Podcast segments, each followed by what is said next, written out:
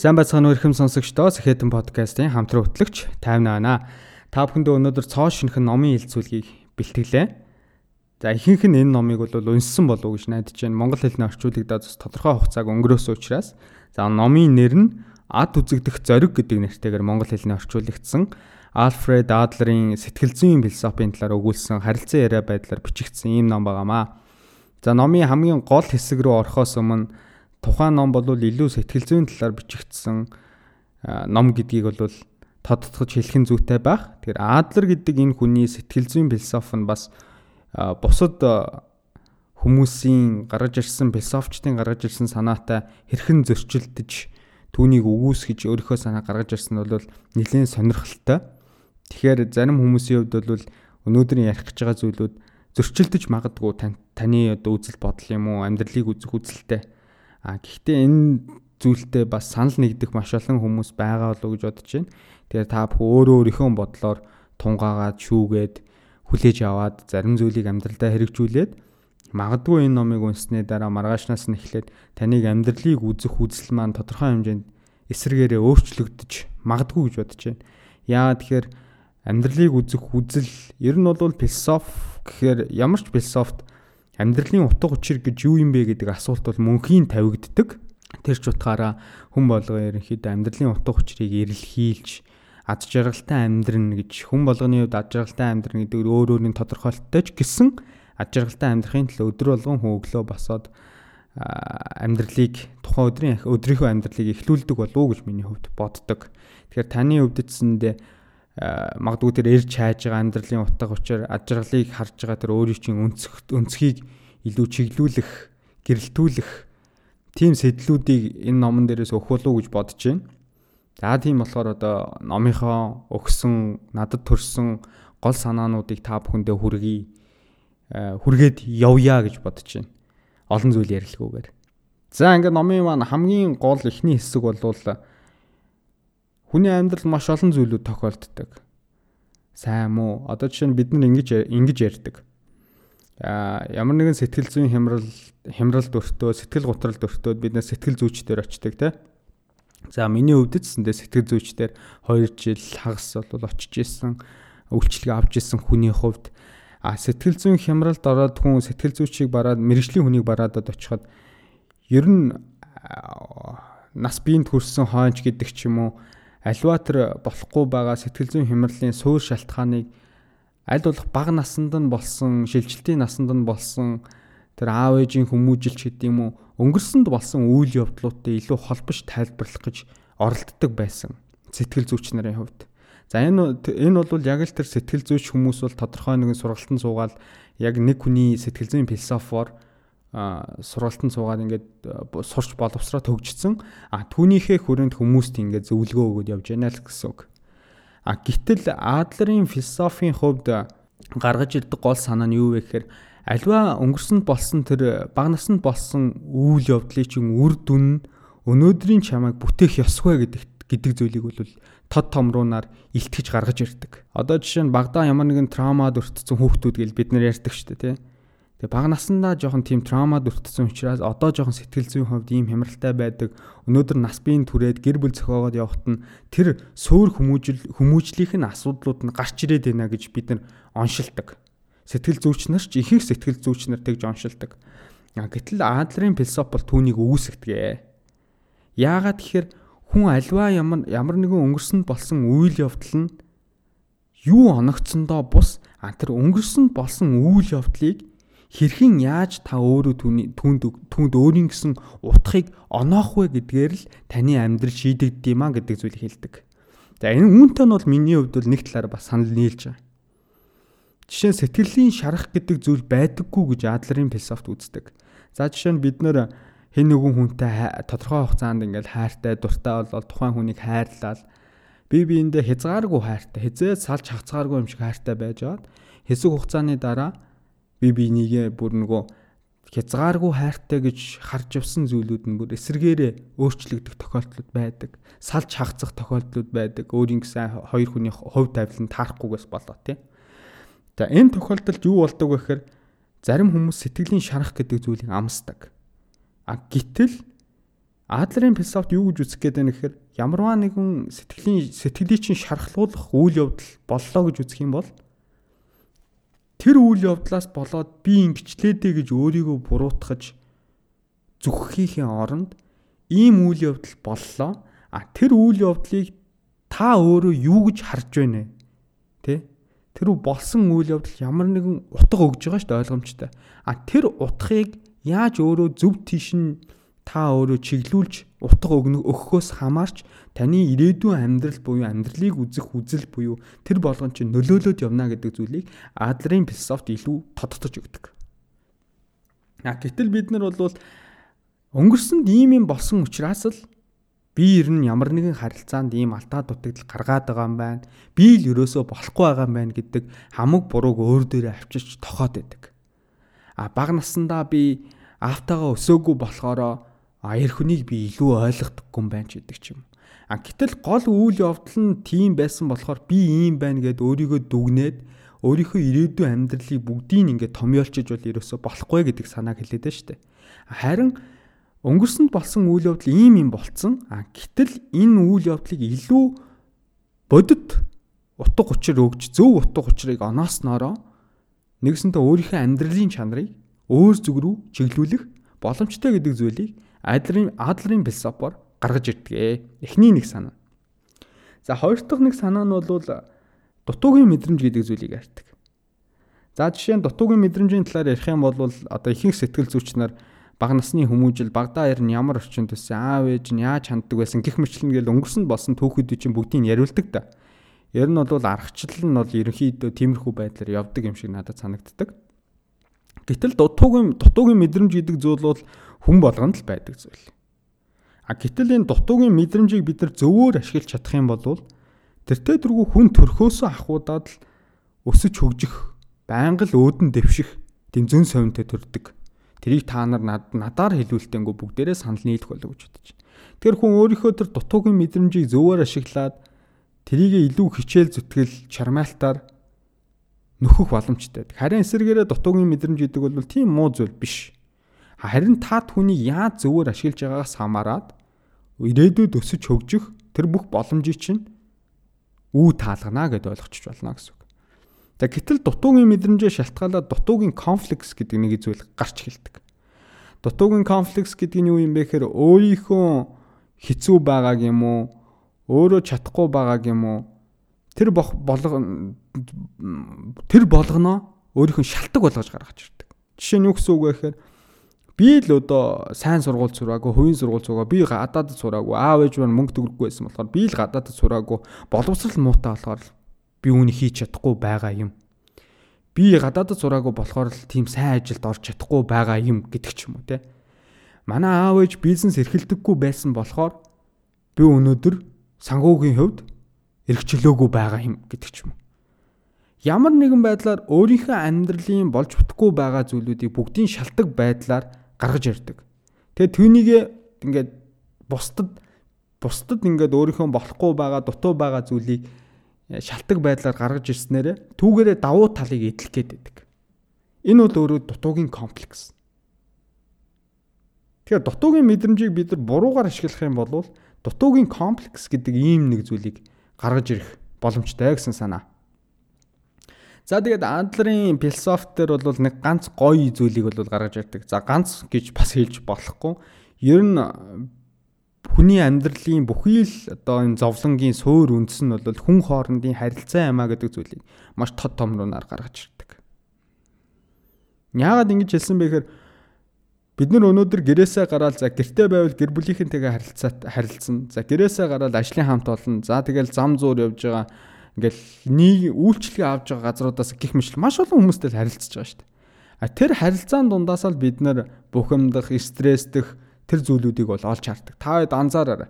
Өнөөдөр гэрээсээ гараад ингээл явгуудыг ямар нөхцөл байдлаас болоод би стресстэй байна вэ гэх юм бол ямар нэгэн байдлаар хүнтэй харьцсан, харилцаанд орсон, нөгөө хүнтэйгээ тааш тохирохгүй болсон, ам ам мөрийсэн тиймэрхүү зүйлүүдээс л болж байгаа. Гэтэл хүн гэдэг амтан хаа нэгтээ одоо сансар охтор охторгууд ч юм уу ганцаар очиод амьдрах бололцоо байхгүй шүү дээ. Ямарваа нэгэн байдлаар хэн нэгэнтэй харилцаж амьдрна. Харилцаанд орж амьдрна. Тэгэхээр ганцаар өөрийгөө нийгмээс тусгаарлаад амьдрна гэж бол ерөөсөө байхгүй. Тэгэхээр энэ хүн хоорондын харилцааг бид нар яаж зөвөөр авч явснараа тэр зовлон гэд амсаад байгаа зүйлээс холуур өөрийгөө тойруулж явах юм бэ гэдэг зүйлийн талаар бол цаашдаа ярих болно. Тэгээ хамгийн эхний зүйл нь бол эрх чөлөө гэдэг зүйлийн талаар ярих гэдэг. Хүү хоорондын харилцааны хувьд. Жинхэнэ эрх чөлөө гэж яг юу юм бэ? Жинхэнэ эрх чөлөө гэдэг бол бусдад ад үзэгдэх зоригтой байхын эхлэл гэж томьёолсон байна. Жишээ нь өнөөдөр бид нар хүн болгонд л таалагдахын хүслэн болсон тийм өвчин тусцсан амьдарч штэ өнөөдөр хүмүүс. Зөвхөн монголчууд биш. Яагаад тэгэхээр та жишээ нь Instagram руу ороод харахад хүн болгон хамгийн сайнаараа яаж байж болохоро бусдад таалагдахын тулд бусдад өөрийгөө батлан харуулахын тулд маш ихээр хичээж байгаа. Өглөө орноосоо толгоо өндөж босоод тэр бүх бусдад таалагдахын төлөө бусдад хүлээн зөвшөөрөхийн төлөө бусдын үнэлгээнд таарч амьдрахын төлөөгээ тэлчүүл бүр болох байх. Өглөөнөөс ахуулаад тухайн хүний толгой дотор бодогдож эхэлдэг. Орондоо ороо унтан унтатлаа энэ бүхэн үргэлжлэнэ. Гэтэл яг үнэндээ бусдын тэр үнлэмж дор энэ хүн амьдарч байгаагаас ерөөсөө ялгаа байхгүй. Жинхэнэ эрх чөлөөгүй амьдарч байна гэсэн үг. Яагаад тэгэхээр хүн болгонд л таалагдж хүн болгонд л сайнаар хэлүүлж амьдрия гэх юм бол та хүн болгонтой гар бариад би тань чин үнэнчээр байна гэд энэ амьдралыг цааш үргэлжлүүлэхээс ерөөсөө ялгаа байхгүй. Гэтэл та хүн болгон чин үнэнчээр байж чадах юм уу? Үнэхээр бусдад э, өөрийнхөө чадахгүй зүйлийг өрсөл чадна гэд хэлээд байж чадах юм уу? Боломжгүй шүү дээ. Тэгээ зарим тохиолдолд бусдад ад ад үзэгдэх хэрэг гарна, бусдын дургуй зүйлийг хийх хэрэг гарна. Ясимэн дээр бусдад ад үзэгдэж чадж байна гэдэг чинь та жинхэнэ утгаараа эрхчлөөтэй амьдарч байна гэдгийг илэрхийлж тодотгож гаргаж ирснээр Адлерын философи бол нэг талаараа бас маш сонирхолтой өнцгийг бол гаргаж ирсэн. Тэгэхээр бусдын үнлэмжинд ор битгий амьдраа. Зөвхөн өөрөө өөрийнхөө эрхчлөөний төлөө амьдраа гэдэг санааг бол үүгээрээ илэрхийлсэн гэсэн үг. Дараагийн нэг зүйл нь асуудлыг ангил гэж. Одоо шинэ ийм нэг зүйл байгаа юм л та. Асуудлыг ангил гэд хэлчингүүт одоо нэг ийм зүйл байгаа юм л та. Асуудлыг ангил гэд хэлчихээр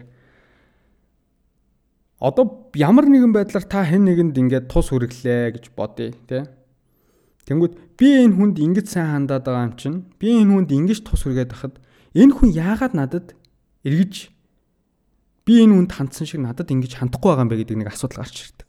За жишээ нь нэг эхнийх нь жишээ нэ. За хоёр дахь жишээ нь болохоор ер нь бол ийм байгаа. Хүн болгонд хүн өөрөө таалагдах албагүй гэсэн шүү дээ тий. Гэтэл та бусдад таалагдахгүй байна гэдэг чинь таны асуудал биш. Таныг таалахгүй байгаа тэр хүмүүсийн асуудал ахгүй юу? Үүнийг л асуудлыг ангил гэж хэлээд байгаа. Тэгтэл хүмүүс бусдын асуудал руу өнгөж ороод идэг. Жишээ нь та хэн нэгэнд өнөөдөр таалагдаагүй байж болно шүү дээ. Тэр хүн таныг ардуурч муулаад ярьж байж болно шүү дээ.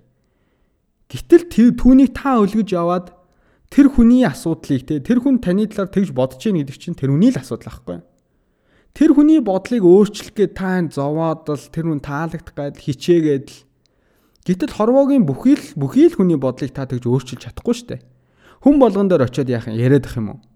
Би бол сайн хүн шүү гэ тэр өөрийгөө баталж харуулах хичээгээд ах юм уу? Боломжгүй шүү дээ. Сүүлдээ та ядарна нэстэй. Дотоод энэ хүн чинь бүр сэтгэл зүйн хувьд хямран нэстэй. Тэгэхээр юу гэж хэлэх гээд байна гэхээр асуудлыг ангилж сураа. Та ямар нэгэн байдлаар өнөөдөр өөрийнхөөрөө 50 гэдэг хүн одоо ямар харилцаатай байдیں۔ Зарим тохиолдолд би юмыг тус тасгээ хэлцдэг хүний нүүрэндээ хатуу гэн. Тэнгүү зарим хүмүүс эмзэгэлдэг, зарим нь бүр дургуун нүрдэг. Чи ямар бүдүүлэг юм бэ гэж дотор нь боддог. Дотроо боддог байх. Гэтэл миний тэр өөрийнхөөрөө байгаа эрхчлөөтэй харилцаж байгаа харилцаанда ямар нэгэн хэмжүүргүйгээр заавал бусдад таалагдана гэдэг шалгуургүйгээр харилцаж байгаа миний харилцаа бол миний асуудал. Гэтэл тэр хүн миний тэр хандлагыг юм уу харилцааг юм уу хүлээж аваад дүгнж ийн гэдэг бол тэр хүний асуудал. Гэтэл тэр харилцаж байгаа хүн болгоныхоо асуудал руу ороод тэр хүн заавал харилцааныхаа төгсгөлд таймнаа бол үнэхээр сайн залуу юм а гэдэг тэр дүгнэлтийг заавал тэр хүнд үлдээхийн төлөө би хичээгээд ах юм бол сүүлдээ би жинхэнэ эрхчлөөгүй зүгээр бусдын үнлэмжинд дор амьдрахыг хүссэн нэгэн этгээд болж хувирах юм хувирах юм аа. Тэр тэр санааг бол үүгээр илэрхийлсэн. Тэр асуудлыг ангилж сурах хэрэгтэй. Бид нар өнөөдөр ингээд шаналал Тэр хэрэг сүүлийн үед надтай амар сонио харьцаадах юм яасан бол доо би түн таалагдах нэг таалагдахгүй нэг имийцэн болов гэж бид нар боддгоо боддог штэ. Гэтэл нөгөө хүн юу ч бодохгүй зүгээр урдах амьдралаа үргэлжлүүлэл амар завгүй юун тайвнагийн талаар бодох урдах ажлаа л хийгээд яваадсан байж болно штэ. Гэтэл тэр хүний асуудлыг тэр хүний бодоогүй асуудлыг би өөрөө энэ бүр бодож авчирснаа Өнөөдөр амар тав тухтай 50 амралтын өдрийг өнгөрөөхөөсөн чинь нөгөө хүний асуудлыг би ургуулж боцоороо байгаа толгой дотор тоо боцоороо байгаад нэг өдрийнхөө амьдралыг маш үр дүнгүй өнгөрөхөг үгүйсэхгүй шүү дээ. Амьдрал ийм зүйл тохиолддог. Зөндөөл тохиолддог. Тэр асуудлыг ангилж сурна гэдэг бол бид нар бас энэ хүн хоорондын харилцаанаас өөрөө өөрийгөө илүү эрх чөлөөтэй өөрийнхөөрөө авч үлдэх нэг гол хэрэгсэл мөн үү гэвэл зайлшгүй мөн гэдэг санааг гаргаж ирсэн байна. За дараагийн нэг зүйл нь болохоор учир шалтгааны онол гэж нэг зүйл байгаа. Одоо үүн дээр би нэг жишээ авъя л та. Одоо номон дээр ийм жишээ авсан байна жишээ. Номынхаа жишээг шууд ярьчих. За ингээд А болон за нэгэн хүн ингээд Афтагаа маш муу харилцаатай байсан. За тэгээ ээж нь нас урснаас хойш бүр Афтагаа тэр хоорондын Афтагаа харьцах харилцаа нь бол бүрд орцсон. Гэтэл баг насанд нь аав нь нэг удаа загин зандраад за тэгээд аавынхаа үгнээс зүхтаад ширээн доогор орсон чинь аав нь ширээн доогоороос бүр чирж гаргаж ирээд хид хідэн удаа алгацсан. Тийм баг насанд нь тийм үйл явдал тохиолдож байсан. Тэгээ учир шалтгааных нь онлоор авч үзэх юм бол аавдаа би алгадуулсан учраас аав бидний харилцаа маш муу байдгаа одоо. Нас биенд хүрсэн ч гэсэн тий. Тэгж хэлж болно. А энэ тохиолдолд бол та юу ч хийж чадахгүй. Аавтаагаас харилцаагаа сайжруулах гэж оролдовч та юу ч хийж чадахгүй. Яагаад гэж? Яагаад тэгэхээр учир шалтгааны онлоор аав намайг бага наснд алгацсан учраас одоо би түүнийг нь байнга сандаг. Тийм болохоор миний аав дээр харилцаа муу байд юм а гэд аль үжээ та зорилгоо тодорхойлцсон байгаа байхгүй. Тийм үйл явдал болсон. Тийм болохоор байн байн түүнийг би сандаг. Тийм болохоор аавтайгаа би муу харилцаатай. Тэгэхээр өнгөрсөн болсон тэр үйл явдлыг та өөрчилж чадах уу? Чадахгүй шүү дээ. Цаг хугацааг ухраадгүй л юм бол. Тэгэхээр нэг нь таны тархин дотор ийм бодлого бол та аавынх аавтайгаа харилцаа харилцаагаа хязгаарч өөрчилж чадахгүй гэсэн үг. А гэтэл эсрэгээр нөгөө талаас нь авч үзвэл аавтайгаа сайхан харилцмааргүй байгаа учраас алгадуулсан тэр дурсамжаа би байн байн эргэн сандаг, сэргэн сандаг. За ингээд харъя. Ингээд харах юм бол тэр харилцааны аавтайгаа харилцах тэр харилцааны хүзрийг та өөрөө атгаж байгаа гэсэн үг байхгүй. Зорилго нь тодорхой. Яагаад тэгэхээр та аавтайгаа зүгээр сайхан харилцмааргүй байгаа учраас би тэр өнгөрсөнд болсон үйл явдлыг сандимаа гэж хэлчлээ хэлчлээ дээ. Тэгэхээр та аавтайгаа сайхан харилцмаар байна гэд тэр зорилгыг нь өөрчилчих юм бол яах вэ? Өнгөрсөн болсон тэр үйл явдлаа санахгүйгээр өнөөдөр л зүгээр аавтайгаа сайхан харилцаагаа бий болгоё гэдэг тэр зорилгын өөрчилчингүүд та аавтайгаа харилцах ямар нэгэн аавтайгаа эргэж харилцаагаа сэргийх ямар нэгэн үйлдэлийг та өөрөө хийж эхлэх үү? Хийх боломжтой шүү дээ. Тэр учир шалтгааны онол гэдэг зүйлийг Адлерийн философор гаргаж ирдэг.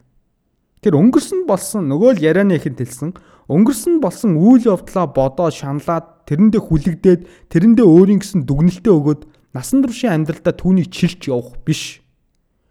Тэр өнгөрсөн болсон үйл явдлынхаа зорилгыг нь өөрчилж чадвал таны амьдралаасаа авах тэр ирээдүйд үүрч явах маш том тэр ачаануудаа одоо цаг дээр хаяна гэсэн үг. Тэгээ цаашаа маш хөнгө ачаатайгаар явна гэсэн. Бид нар ямар нэгэн хэн нэгэн хүнийг хайртай хүмүүсээ гомдоочхоор яаж шаналдаг вүлээ те?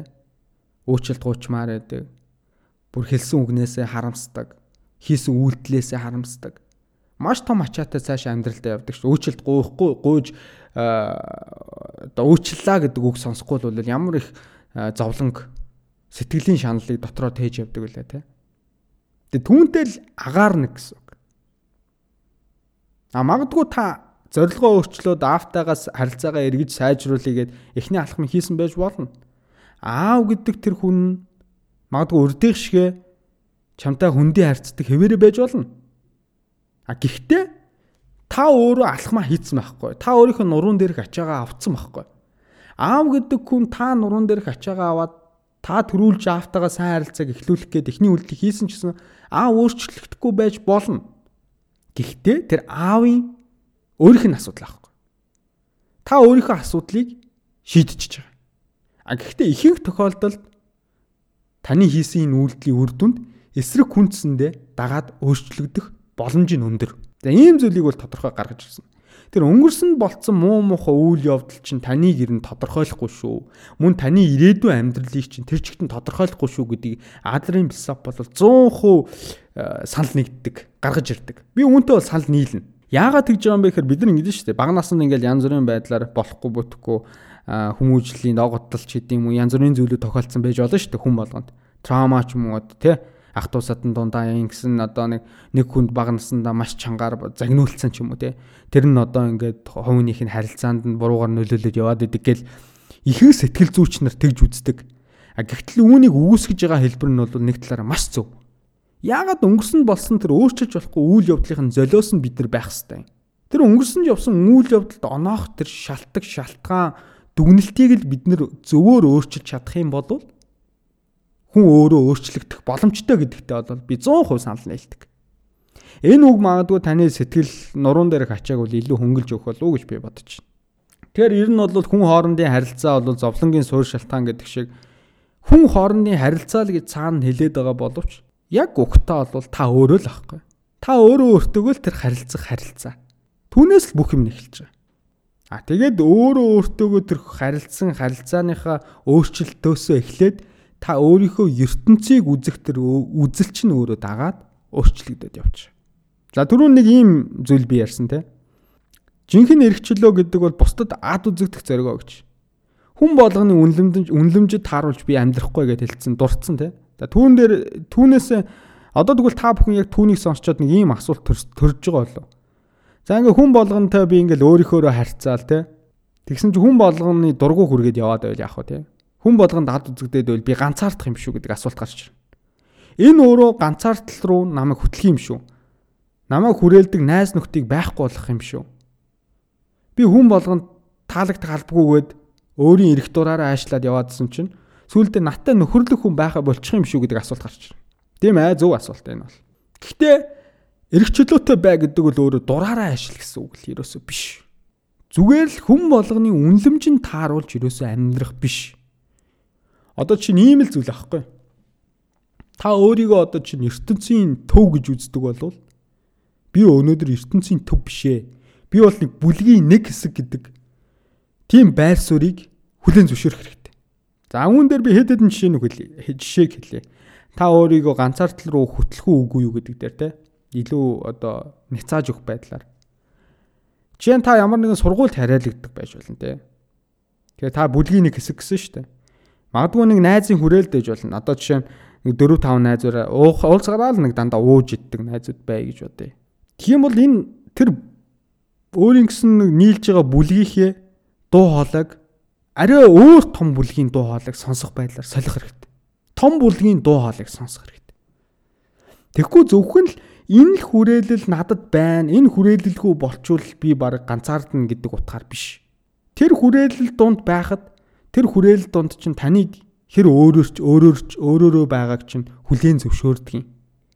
Тэр болгоноос чи хамаарад магадгүй тэр хүрээллээс татгалцахад алдах юм байхгүй шүү дээ. Харин өшөө илүү томоор харах хэрэгтэй байна. Ямар нэгэн бүлгийн нэг хэсэг байгаа бол та тэрнээс татгалцчингууд амар ганцаардах юм шиг санагдаад байгаа бол бүр том бүлгийг харал та. Таны сонирхол сонирхлын дагуу юм хийдэг залуучууд гээл бүхэл бүтэн том хүрээл байж болно. Зөвхөн улс орн биш шүү дээ. Дэлхийн хэмжээнд харалтаа. Тэр хамгийн ихний зүйл бол би ганцаардах юм биш үү гэж байгаа хүмүүст том бүлгийн дуу хоолойг сонс гэдэг зүйлийг гаргаж ирсэн байна. За хоёр дахь нэг зүйл нь бол хэвтэй харилцаа гэж. За энэ бол Адлерын сэтгэл судлалт бол хамгийн гол зарчим нь хэвтэй харилцаа. Одоо жишээ нь хүмүүс ингэж ойлгодог. Сүүлийн үед ийм хандлага их байна.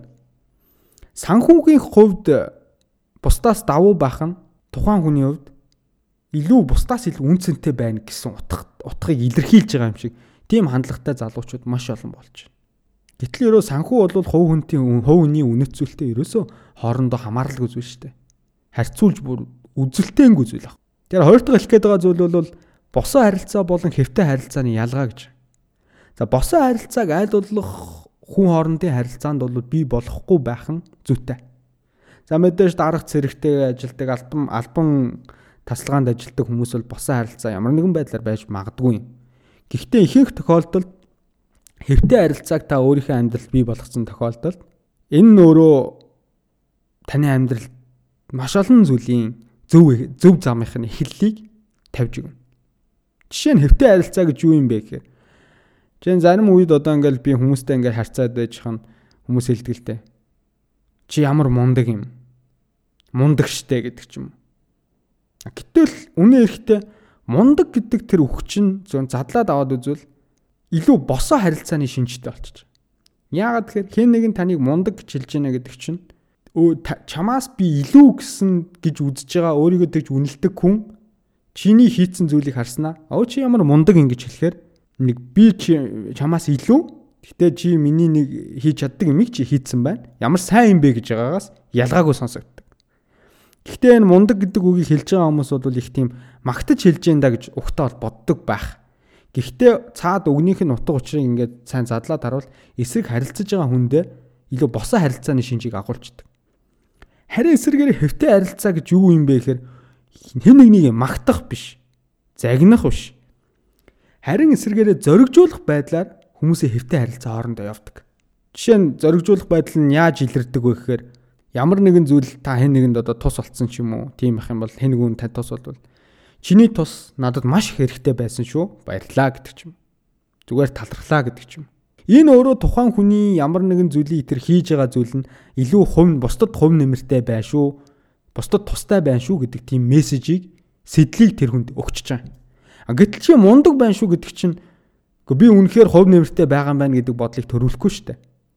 Ямар нэгэн хийж чадахгүй байсан зүйлийг хийчихэж байгаа юм шиг тийм мэдрэмж өгч байгаа. Тэр хэвтэй харилцаа бол илүү бие биений урамшуулах, зоригжуулах байдлаар өрнөдөг бол босоо харилцаа илүү магтах, загнах байдал дээр суурилдаг. Тэр аль болох үгийн сонголт дээр та бүхнийг анхаараасаа гэж хүсэж байна. Хэн нэгэн үнтэй харилцахдаа ямар үг сонгох уу гэдэг бол маш чухал. За эсвэргээрээ тэгээд үгийн сонголтон дээр анхаа сонголтон дээр анхаарна гэж заавал бусдад таалагдах тийм бэлдууч үгийг хэлэх гэсэн үг шүү дээ. Тийм бол дахиад нөгөө эргчлөөгөө амьдралынхаа амьдралын химнэл буюу тэр амьдралын харилцаар хүн хоорондын харилцаа руугаа эргээд гүгэд орчин.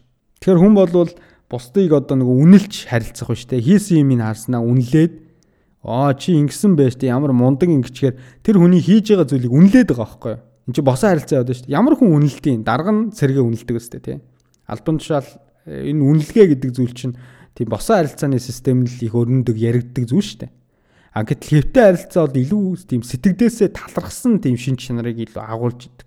Зүгээр магадгүй тэр хүний хийсэн зүйл нь үнэхээр чиний гайхшрлыг төрүүлж иж болно шүү дээ. Тийм бол чиний энэ хийсэн зүйл чинь маш их талархаж байгаа шүү гэж хэлчихэд болно шүү дээ. Тэгээ тэр хүнд бол шал урд тусдаг. За эсэргээрээ ямар хүн зөрөгтэй байдаг вэ гэдэг зүйлийг эсэргээрээ биш яг энэ хийсэн зүйл дээр би илүү баталж ярих үүднээс энэ шиг дуртаж байгаа юм шүү. Би бас ханаа төрсөн хоолой нэлээд сөнгө байгаа учраас зарим яриаг илүү төвхтэй хэлээд ээж магадгүй та бүхэн маань зөвөр хүлээж аваарай гэж хүсэж байна. Хоолой маань идэлцсэн байгаа учраас. За саяныхаа яриаг эхлээд давтаад яриад үргэлжлүүлэхэд ямар хүн илүү зөрөгтэй байдаг вэ гэхээр өөрийнхөө үн цэнийг мэдэрч чадсан хүн хамгийн зөрөгтэй байдаг. Тэгээ би та хэдэд хэлсэн шүү дээ. Өөрийнхөө үнцний хүн ямар үед мэдэрч чадах юм. Нөгөө чи яг энэ үнэхээр хов нэмэртэй байлаа шүү. Чиний тус үнэхээр хэрэгтэй байлаа шүү гэдэг. Тэр чин сэтгэлийн талархлыг сонссон хүн өөрийнхөө үнцнийг илүү мэдэрдэг. Тэр үедээ илүү зөрөгтэй байдаг. Би хов нэмэр бол чадж байгаа байна гэдэг мэдэрч штэ тэр хүн. Тэр хов нэмэр гэдэг үгийг би энд дурдчихлаа л та. Тэр хов нэмэр гэдэг үг бол ад жаргал гэдэг үгтэй илүү хоорондоо хоршин Жишээ нь хүмүүс ад жаргал гэхээр хүн болгоны тодорхойлолт өөр байж магадгүй л те. Гэтэ Адлерийн философийн хувьд бол ад жаргал гэдэг нь хувь нэмрийн мэдрэмж гээд тодорхойлцсон байна. Хувь нэмрийн мэдрэмж. Хорвоо дэлхийд амьдарч байгаа өөрийн орчиндоо ч юм уу, өөрийн гэр бүлдээ ч юм уу, би ер нь хувь нэмэртэй хүн шүү гэдэг тэр мэдрэмжээр хүн хооллож амьдардаг. Тэр мэдрэмжээ хүн аваалах тусмаа өдөр болгон ад жаргалтай, өдөр болгон амьдралын идэвхтэй урагшилдаг. Та цаан зараарай. Биер нийгэмдээ болон гэр бүлдээ хайртай хүмүүс донд хувь нэмэртэй байна гэдэг мэдрэмжээрээ хүн юм өсөж явдаг шүү. А гэтэл яг ингээд хэлчингүү зарим хүмүүс тэгвэл хүн болгон таалагдахын төлөө хүн болгоны үнлэмжинд нийцхийн төлөө хүн амьдраад байвал тэр хүмүүст илүү үн цэнтэй хүн хүн болж хувраад Хөв нэмэртэй хүн болж хувраад би ад жаргалтай байх юм шүү гэж бодож магадгүй. Эсэргээрээ. Миний түрүүний ярьсан зүйлийг сонсчоод үүсгэж магадгүй. Тэр хувь нэмрийн мэдрэмж гэдэг бол бусдад таалагдахын төлөө ямар нэгэн хийсэн тэр үйлдэл бол ерөөс биш. Харин эсэргээр та өөрөө 100% хүсч хийж байгаа тийм зүйл. Магадгүй хэн нэгэн та сайн дурын үйл ажиллагаа хийж магадгүй шүү тус болж магадгүй шүү. Тэгэхээр та түүнийг үнэхээр хүсээд хийж байгааг бол нэг өөр. Гэтэл тэр үйлдэлийг хийчээд олон түмэнд хэвлэл мэдээллийн хэрэгслээр зарлж бусдад би сайн хүн шүү гэдэг бусдын үнэлгээг авах гэж хийж байгаа бол эсэргээрээ ад жаргал биш. Тэр бол төрхөн зуурын танд өгөх гоё мэдрэмж бусдаас ирэх. Тэгээ эсэргээрээ өөрийгөө эргчлөөгүй амьдрал руу авч хийж байгаа. Эргээл яах вэ? Нөгөө алга тассан хүмүүсийнхээ үнлэмжинд нийцхийн тулд дараагийн үйлдэлээ дахиад хийнэ үстэй. Нөгөө алга тассан хүмүүс чинь дахиад за энэ хүн бол ийм сайн хүн байна гэдэг үнлэмж тогтчихлоо штэ. Тэгээ дараагийн танаас тийм л үйлдэлийг хүлээнэ гэсэн үг. Тэр хүмүүс өөрөө өөрсдийгөө аваачаад ингээд нэг эргчлөөний бус шоронд хийчихэд байдаг байхгүй хүн хоорондоо арилцааны шоронд. Тэгчээл түүнийг хангахын тулд бусдын үнлэмжийг хангахын тулд өдөр бол амьдрал гэдэг. Тэгээ нэг өдөр ядарна ядарна туйлдна. Харин эсэргээр яагаад заавал би хүн болон таалагдах албатай ингээд яг өөрийнхөөрөө өөрийнхөө хүссэн юм хийгээд зүгээр нийгэмдээ биш юмаа гэхэд өөрийн хайртай хүмүүстэй хөв нэмрээ оруулаад явж байгаа илүү ад жаргалтай амьдарч байгаа хүмүүс бол байгаас зөндөө л байгаа шүү дээ. Ийм зүйлийг бол илүү онцолж хэлсэн байна. За дараагийн нэг зүйл бол жирийн байх зориг гэдэг зүйл. Одоо сүүлийн үед маш их ажиглагдж байна. Ер нь хүн болго өөрийн гэсэн давуу чанараа ингээд бусдад харуулаа, давуу чанараараа ялгарх хэрэгтэй юм шиг те. Хүн болгон л YouTube хөтлөх хэрэгтэй юм шиг. Хүн болгон л Instagram дээр олон дагагчтай болох хэрэгтэй юм шиг. Хүн болгон л хувийн санхүүгийн сургалт одоо санхүүгийн эрхчлэл хүн болгол мөнгөтэй болох хэрэгтэй юм шиг. Тим хандлагууд бүр давмгайлж штэ. Гэтэл хүн ер нь өөрөө жирийн хүн байж болохгүй уу? Тэ? Жирийн байх нь өөрөө сул тал болж хувираад дээ нийгэмд. Ийм ойлголтыг бүр хүүхэд залуучууд төрүүлж дээ. Зөв зүгээр ингээд урдах ажиллаа хийгээ те цалингаа аваад гэр бүл хүүхдтэйгээ ингээд амьдрах нь тийм муу амьдрал юм уу? Ийм асуулт асуултыг бүр асуухад өргөж шүү. Заавал хүн болгон од байх хэвээр. Заавал хүн болгон бусдад хов нэмэртэй юм хийх хэвээр юм шиг те нийгэмдээ юм хийх хэвээр юм шиг. Сайн хүн байх хэвээр юм шиг. Гэтэл жирийн байх зориг гэдэг чинь өөрөө асар их тийм ухаан байгаа жирийн байх зэрэг. Жирийн амьдралаар ад жаргалтай амьдарч байгаа тэр ад жаргалыг мэдэрч байгаа хүмүүс зөндөө байгаа шүү гэдэг мэдрэмжийг энэ дэр илүү тодотгож хэлхийг хүслээ. Тэгэхээр ер нь энэ Адлерын сэтгэл судлалын философи нь ингээд яриад яриад ингээд маш олон зүйлийг дурдаад ярьчлаа юм л да энэ номон дээр.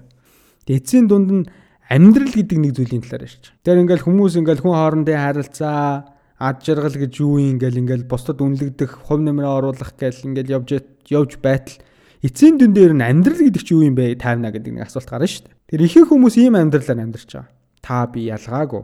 Бид нар бие биенийг чи биеийг хэн нэгнийг чичлэх хэрэгөөсөө шаардлага байна. Ямарваа нэгэн байдлаар ийм замаар амьдарчлаа. Тэрний юу гэхээр ингээд уулын оргил өөд ерөөсөө амьдарч байгаа юм шиг. Уулийн оргил өөд гарах гэж байгаатай өөрийнхөө амьдрал ингээд жишцэн. Ерөөсөө л тэр уулын оргил дээр гарчих юм бол би нэг тийм сайхан амьдрах гэдэг юм шиг. Тэр амьдралыг ерөөсөө л нэг зураас гэд ойлгосон. Эхлэлтэй төгсгөлтэй. Төрсөн нь үнэн үү? Тэгээд үхсэн нь үнэн үү те. Тэр уулын оргил дээр гарахгүй л бол би нэг муугар амьдрчаад байгаа юм шиг те. Амьдраагүй ч юм шиг. Тэр уулын оргил дээр гарах нь зорилго нь байгаа шүү дээ амьдралын төрсэн цагаас эхлээд. Тэр уулын оргил дээр гарах нь хүн болгоны хувьд утга нь өөр. Би нэг сайхан машинтай, сайхан одоо орон байртай, нэг гой санхүүгээр хчлэн төрчүүл, нэг сайн сургууль зурчвал, нэг том компани захирал болчвол. Ерөөсөө тэр уулын оргил гэдэг зүйл нэг тиймэрхүү байдлаар илэрхийлэгддэг. Би гэхдээ энгийн жишээ авч байгаа шүү. Хүн болгоны хувьд өөр байгаа. Зарим нь илүү өөр материалыг бус зорилгыг тээжж болно шүү дээ. А гэтэл амьдрал гэдэг чинь өөрөө цэгүүдийн цуваа гэдэг санааг хэлж байна. Та тэр амьдралыг би түрүүн зураас гэж хэлсэн шүү дээ. А тэр зураасаа таад ингээд томруулаад харах юм бол цэгүүд л идэг үстэй. Зураас гэдэг чинь цэгүүдээс л бүрдэж байгаа шүү дээ. Тэгэхээр амьдрал ч гэсэндээ тэр цэгүүдийн өөр цуваа. Цэгүүдийн цуваа гэдэг нь юу вэ гэхээр тэр агшин зуу тэр амьдрал гэдэг бол тасралтгүй урсах тэр агшнуудаа гэж тодорхойлсон байна. Маш гоёор. Амьдрал гэдэг бол тасралтгүй урсах агшнууд гэж. Агшин гэхээр юу юм? Яг энэ миний яриад өнгөрч байгаа энэ зурвасхан энэ цаг хугацааг л агшин гэж байгаа шүү дээ. Яг л энэ хүү энэ энд энд болоод өнгөрч байгаа энэ цаг хугацааг агшин гэж нэрлэж байгаа. Тэгэхээр амьдрал бол тэр олон агшнуудыг холбосон тэр тасралтгүй тэр урсах агшин үнэхээр зураас одоо юу гэх юм Маш гоёор илэрхийлсэн бол миний сэтгэлийг бол маш хөдөлгсөн. Бид бол одоо яг энд л амьдарч байгаа. Одоо гэдэг энэ агшинд л амьдарч байгаа. Тэр хүний амьдрал бол энэ одоо гэдэг маш олон агшнуудын цуваа гэдэг тэр тодорхойлт бол яагаад ч миний энэ амьдралыг ингээд үзэх үзэл хандлагатай бол маш гоё нийцж байгаа байхгүй. Тэгэхээр би ийм нэг сэтгэл хөдлөлтөйгээр яриад яриад байгаа. Гэтэл хүмүүс тэр уулын оргил руу гарцсан хойнол нэг амьдрал үнэхээр сайхан болох юм шиг бодоод байна шүү дээ. Яг үнэн хэрэгтээ бол тухайн тэр процессыг өөрөө үр дүн гэж үзсэн байгаа байхгүй. Тэр уул руу гарах процесс нь чухал. Яг энэ момент нь чухал. Одоо маш энгийн үгээр тайлбарлавал би энэ подкастыг хийгээд маргааш хэдэн хүн сонсох бол гэж бүр 20 мянга 30 мянган хүн сонсох нь миний зорилго болчвол тэр уулын оргил л байхгүй. Гэтэл өнөөдөр би энэ сонссон мэдсэн номноос энэ унсан таашаал одоо тэр мэдлэг сэтгэл хөдлөлөөр шингэж миний оюун ухаан дотор орсон тэр зүйлийг эргээд олон хүнд хүргэж гин гэдэг энэ миний хийж байгаа энэ процесс нь хангалттай гоё мэдрэмж байхгүй. Энэ агшныг би өөрөө мэдэрч чадж гин гэдэг нь Яагаад ч маргааш нэг ч хүн сонсохгүйсэн хамаа алга те. Зүгээр л өнөөдөр би хийчлээ штэ энэ дугаарыг. Хэлий гэсэн бусдад хүргэе гэсэн юм хийчлээ штэ л гэдэг энэ мэдрэмж нь намайг тэжээчж байгаа.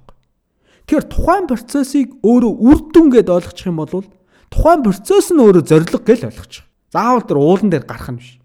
Бид нар уулын оргил өөд алхаад явж хахад тэр булчингийн чангарал те баруун зүүн хөлний өвдөлт ямар гоё мэдрэмж бай те. Тэр цэвэр агаар хамраар орж байгаа тэр үүшг рүү орж байгаа тэр агшин Тэр болгон чинь л зүгээр үр дүн нөхгүй. Тэр уулан дээр гарах бол зүгээр л нэг хэсэг нь. Өчүүх нэг хэсэг нь. Ингээд бодоод ирэх юм бол би өнөөдөр яг энэ цаг мөчөд л амьдарч байна гэдэг тэр мэдрэмжийг илүү та өөртөө бий болгоно. Тэгэхгүй өнөөдөр хүмүүс энэ номон дээр маш гоё жишээ авсан байна л да ингээд. Театр дотор та тайзан дээр байна гэж өөрийгөө төсөөлөе те. Тайзан дээр.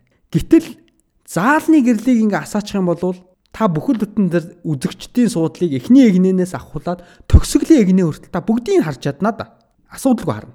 А гэтэл та яг өөр дээрээ тод гэрэл тусгачих юм бол та эхний эгнээс цааших үзэгчдийг хэнийг ч харж чадахгүй. Энэ өөрөө юу гэсэн жишээ вэ гэхээр өөр дээрээ гэрэл тусгах буюу яг энэ одоодоо хамгийн хурц гэрлийг тусгах гэж.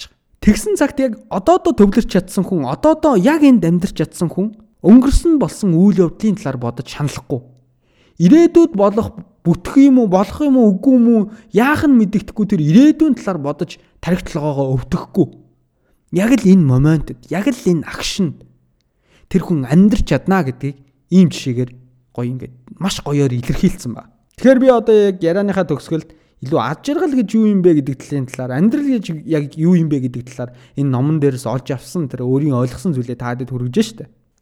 Одоо тэгэнгүүт амьдрал өөрөө утга учиртай юм уу? Ер нь бид нар аж аргал яриад, зүрхийн нэг амьдрал яриад эцсийн дүндээ амьдрал ч өөр утга учиртай юм уу гэдэг асуулт гарч. Нэг л сайхан юм сонсоод л байдаг, сонсоод л байдаг. Гэтэл энэ амьдрал чинь маргааш өглөө босоод л нэгийн хэвэн байж тээ гэдэг асуулт гарч. Тэнгүүд маш олон үгүйсгэгч нар амьдрал өөрөө утга учиртай юм уу гэж надаас асуух бах. За тэгвэл Адлер юу гэж хариулсан бэ гэхээр амьдрал өөрөө утга учиргүй гэж хариулсан. Магадгүй энэ таны хүссэн хариулт биш бах. Гэхдээ энэ асуултан дээр хариултан дээр нэмээд юу гэж хариулсан бэ гэхээр амьдралын утга учир бол та өөрөө өөртөө оноодог зүйл шүү. Тэгэхээр энэ амьдралыг утга учиртай байх уу үгүй юу гэдэг бол танаас хамааралтай гэсэн. Энэ утга учирт одоо жишээ нь маш хүнд өвчин турссан, хор тавдар турссан ч гэдэг юм уу, хязээж идэх боломжгүй гэдгийг эмчийн хаал өрөөнөөс сонсоод таалгын хаагаа гарч байгаа хүн энэ амьдрал ямар утга учирдгүй юм бэ те? Энэ ертөнц яагаад надад ийм шудраг бус хандаж байгаа юм бэ гэж бодож байгаа өчнөө мянган хүн байгаа. А үүнтэй зэрэгцээд үлдсэн амьдралаа илүү утга учиртайгаар амьдрах боломжийг энэ надад өвчин олголоо доо.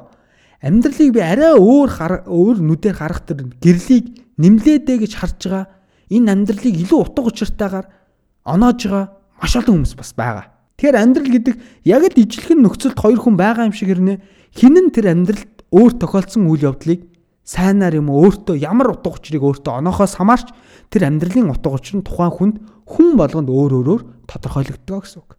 Энгийнээр харъя л да. Маргааш өглөө босоод цонхоо нэхэд утаатай, түгжрээтэй, дэлгүүр ороод нэг тор хүнс цуглуулхад цалингийн чинь бүр 5 10% нь болчихно. 20% ч болчихно. Ингээ бодохоор амьдрал үнэхээр хэцүү байгаа юм шиг энэ Монгол гэдэг болсон үнэхээр бүтэхгүй байгаа юм шиг санагдавч нөгөө талаар инх тайван дайндаа ч юм байхгүй харгис хэрцгийл хэрцгийлэл байхгүй орой гудамжаар алгасан ч санаа зовох зүйл харцсангуу баг. Өлсгийн зовлон байхгүй. Хүссэн юмаа дэлгүүр хүнс хамгийн ойрын дэлгүүр рүү ороод авчдаг. Хүссэн үедээ хүссэн зүйлээ ярьж чаддаг, илэрхийлж чаддаг, үгээ хэлэх хэрэгчлөөтэй. Гэхдээ энэ болгоныг хараад үзвэл миний Монгол улс энэ Монгол улсад амьдрах нь өөрөө утга учиртай юм шиг. Ингээд уцгаар та энэ харж байгаа амьдралд ямар утга өгнө түүгээрээ хамаарч та амьдралыг утга учиртай гэж нэрлэнэ үү утга учиргүй гэж нэрлэнэ үү танаас хамаарна л гэсэн үг. Тэгээ ярианыхаа төгсгөлд одоо энэ дугаар маань дуусах төгсөж байна. Амлсан ёсоор 40 минутанд тийгсэн болж байна. Тэгэхээр ертөнц гэдэг бол өөрөө маш энгийн гэдэг зүйлийг философч маань гаргаж ирсэн. Амьдралч бас үүнийгээ дагаад маш адилхан, амархан, маш энгийн. Бид нар өөрсдөө энэ амьдралыг хөндрүүлдэг байхгүй юу? Бид нар өөрөө өөрсдөндөө зовлон хураадаг.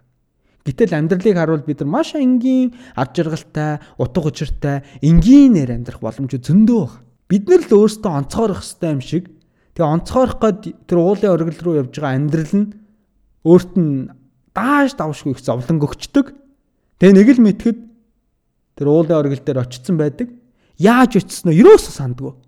Ингээд өөхөх цаг нь болцсон байдаг. Энэ завгүй амьдрал, завгүй мэдээлэл донд хүн болгон супер байх хэрэгтэй юм шиг цаанаас нь шахаж байгаа мэдээлэлээр бөмбөгдөж байгаа энэ цаг хугацаанд донд бид нар ерөөсөө л яаж амьдраад байгаа анзаарах зөхөөгүй амьдарч шít. Тийм болохоор би энэ дугаараар та бүхнийг юу гэж уриалах гэдэг юм бэ гэхээр хэдүүлээ гоё амьдрья. Яг энэ одоодоо л амьдрья. Яг энэ энэ одоодоо л зүгээр цэнгэн хөгжий, бүжий, бүжиглий.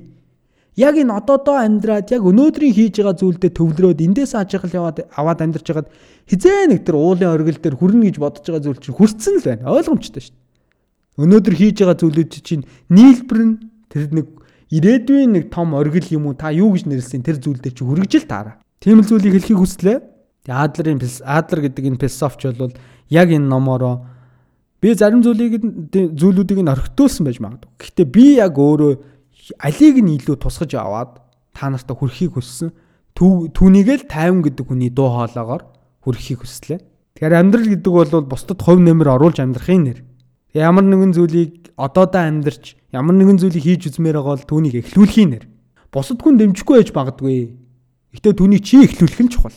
Тэгэхээр ганц хүний хүч буюу та тэр хорвоог яаж харж гин тэр амьдралыг үзэх үзэл чинь яаж өөрчлөгдөж гин түүнээс хамаарат ертөнц тэр аяар өөрчлөгдөж болдгиймаа гэдгийг энэ номоор харуулсан байна. Та ертөнцийг үзэх үзэл чинь өөрчлөгчөөр босод бүх хүний бодлыг очиж өөрчлөх шаардлага байхгүй шүү дээ. Та өөр ертөнцийг өөрчилж чинь ертөнцийг үзэх үзэл чинь өөрчлөгдөж байгаа юм чинь тэр ертөнц тэр аяараа өөрчлөгдөж байгаа юм шиг мэдрэмжийг танд өгнө л гэсэн. За баярлалаа. Тэгээд энэ хүртэл надтай хамт байж номын хилцүүлгийг минь сонссон та бүхэнд маш их баярлалаа. Цаашдаа 7 хоног болгоны нэгдэх өдөр өглөөний 7 цагаас тогтмол шин дугаарууд та бүхэнд хүрж явах болно. Амьдралын үнэн мөннийг хуваалцсан ямар нэгэн элдв хачир ахгүй тийм сайхан чанартай дугааруудыг хүргэж явах болно. Олон зүйлийг амлахгүй олон зүйлийг амлж өөртөө бас ачаалал үүрмээр байна. Зүгээр л би үнэн баймаар байна. Тэр үнэн баймаар байна гэхээр жоохон pop сонсогч байж магадгүй популист улс төрчин улс төрчнөр шиг сонсогдож магадгүй. Гэтэ яг хичээ үнэн байх гэж хичээ. Энэ дугаартай хамтаа байсан та бүхэндээ баярлалаа. За тэгээ подкастынхаа төгсгөлд Tesla Trader гэдэг хөрөнгө оруулалтын сургалтын баг байгаа. Монголын хамгийн анхны опшн арилжааны сургалт явуулдаг. За ихэнх багш нар нь Америкт төвтэй. За одоо 6 дугаар ээлжийн сургалтынхаа эсэлтийг авж байгаа. За энэ баг хамт олонний сургалтанд суугаад бол би сүүлийн 3 4 сар бол энэ баг хамт олон багш нартайгаа арилжаа гэдээ явж байна. Тэгэхээр өөрийнхөө орлогоос гадна дахиад орлогын их усүрийг бий болохыг хүсэж байгаа. Өөрийнхөө ирээдүйд хөрөнгө оруулахыг хүсэж байгаа. Хувьцаа, үн цэнтэй хувьцааг сонгож ирээдүйдээ хөрөнгө оруулахыг хүсэж байгаа.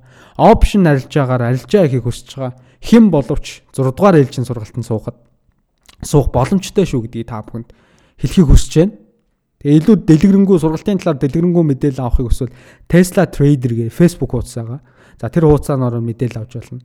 За бүр нарийн детальны сургалтын дээр нь яг юу орд юм бэ таймна хэр үр өгөөжтэй юм бэ чи яг ингээд баг хамт олон донд сургалтын суугаад ингээд багш нартай арилжаа гэж явж байгаа хүний үед үнэн боттоо чи нэг шударгаар хэлээч гэх юм бол тайвна би гэд миний инстаграм хаяг байгаа. Миний инстаграм хаягаа шууд бичээрэй.